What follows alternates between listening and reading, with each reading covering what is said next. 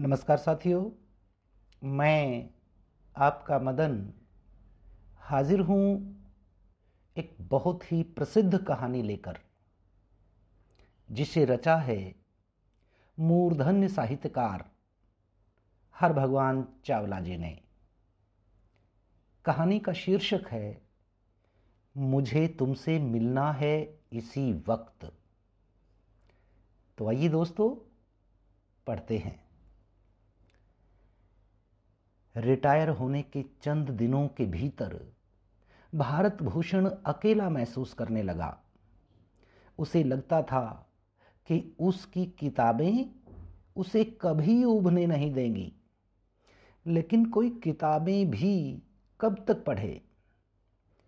वह फेसबुक पर भी सक्रिय था। कई व्हाट्सएप ग्रुपों में भी शामिल था।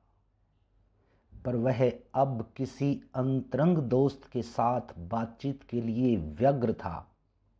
उसकी यही व्यग्रता उसे फेसबुक की रिसर्च पर ले गई। फेसबुक पर रमेश कपूर नाम के बहुत से लोग थे। आखिर उसे वह रमेश मिला जिसे वह तलाश रहा था। उसकी प्रोफ़ाइल में किसी नव विवाहित युगल का फ़ोटो था। उसका अपना नहीं उसे एक बात से लगभग यह यकीन हो गया था कि यह वही रमेश कपूर है जिसे वह खोज रहा है। परिचय में लिखा था एमडी यूनिवर्सिटी से 1985 में अंग्रेज़ी साहित्य में एमए ज़रूर यह वही है। उसने उसे फ्रेंड रिक्वेस्ट भेज दी। दो दिन बाद उसकी रिक्वेस्ट कंफर्म कर दी गई। भारत भूषण ने इनबॉक्स में संदेश छोड़ा, क्या आप वही रमेश कपूर हैं जिन्होंने 1985 में एमडी यूनिवर्सिटी से अंग्रेज़ी में एमए किया? यदि हाँ तो मेरी तलाश सफल रही। मैं भारत भूषण हूँ, आपका सहपाठी। मुझे नहीं पता कि आप कितने व्यस्त हैं और क्या मैं आपको याद भी हूँ या नहीं।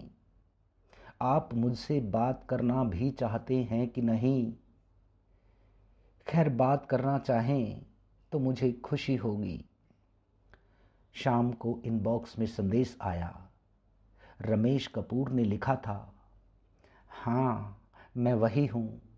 चौंतीस साल हो चले मिले हुए। मैं एमए के कोई साल भर बाद तुम्हारे गाँव भी गया था। पता चला तुम पंजाब के किसी कॉलेज में पढ़ा रहे हो।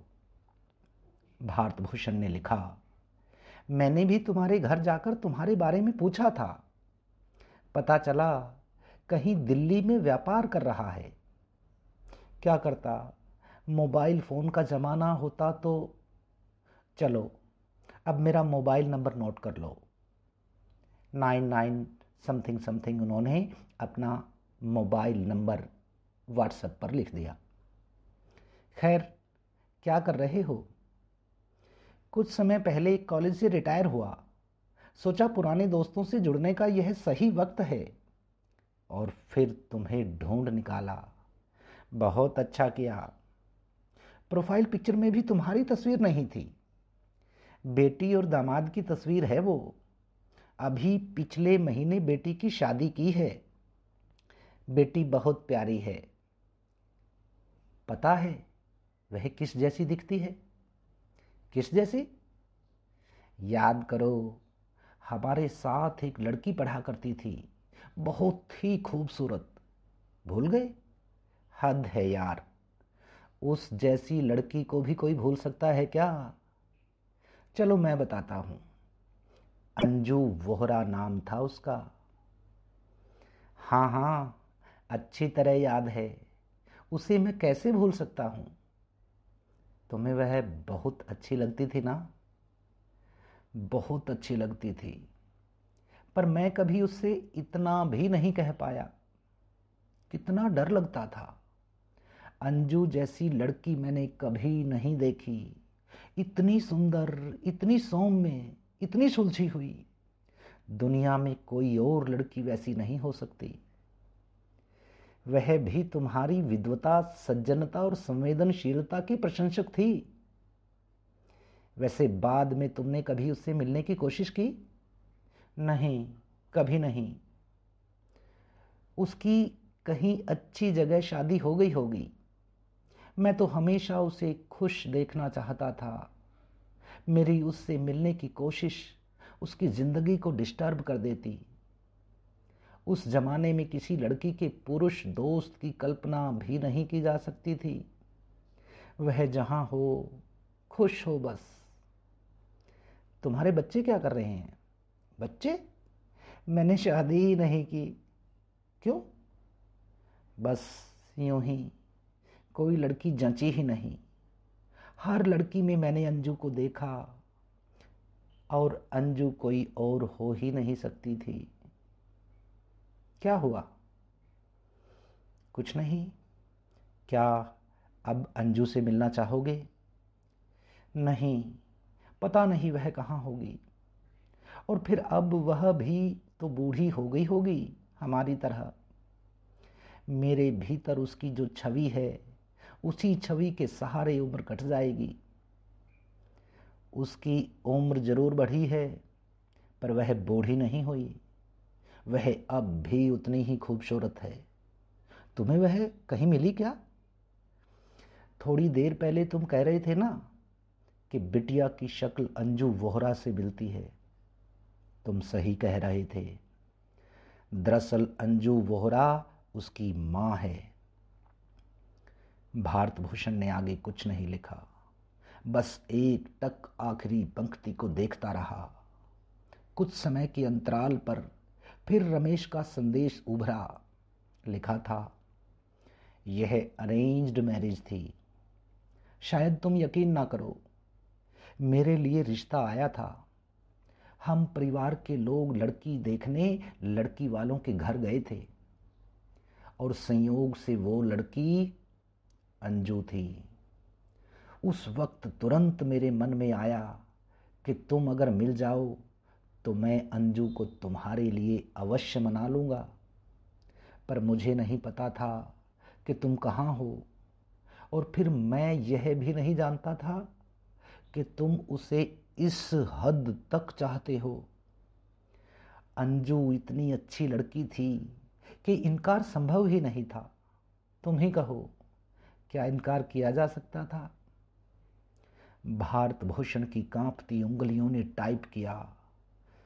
तुम्हारा निर्णय सही था। और उधर अंजू, जो पूरे संवाद के दौरान रमेश से चिपकी बैठी थी, अब बारिश में बदल गई थी। बादल कहीं दूर था और बारिश धरती पर धाराधार बरस रही थी। रमेश कपूर अंजू को गले लगाकर चुप करवाने की कोशिश कर रहा था। उसने उसकी पीठ थपथपाते हुए कहा मैं तुम्हारी मनास्थिति समझ सकता हूँ, अंजू। जो हालात बने हैं, उनके बनने में तुम्हारा कोई रोल नहीं है।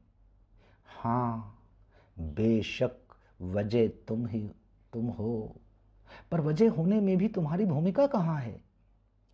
मुझे भारत भूषण से हमदर्दी है, पर मैं क्या करूँ?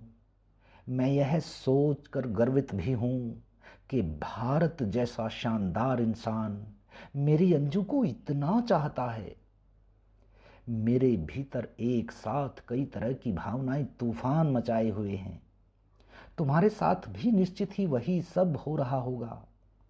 तुम किसी भी बात के लिए जरा सी भी कसूरवार नहीं हो। इसके बावजूद जो तुम पर बीत रही है, मैं हूँ बहू जान पा रहा हूँ।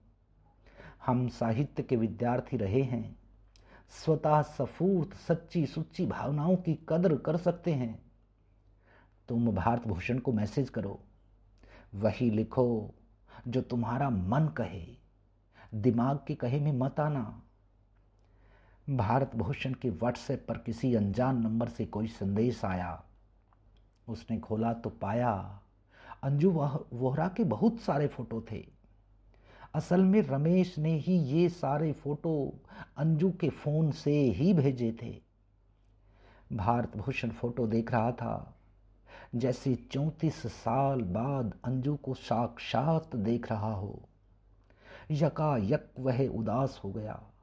उसने सोचा, क्या किसी भी फ़ोटो के वक्त वह भी कभी अंजू के जहन में रहा होगा? निश्चित रूप से नहीं। थोड़ी देर बाद उसी नंबर पर मैसेज चमका, लिखा था आई लव यू भारत। मैं तुमसे मिलना चाहती हूँ इसी वक्त।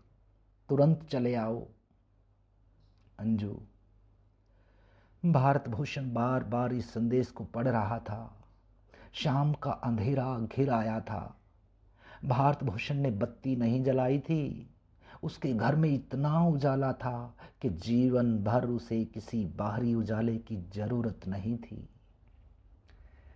तो दोस्तों, ये थी हर भगवान चावला जी की बहुत ही प्रसिद्ध कहानी, मुझे तुमसे मिलना है इसी वक्त।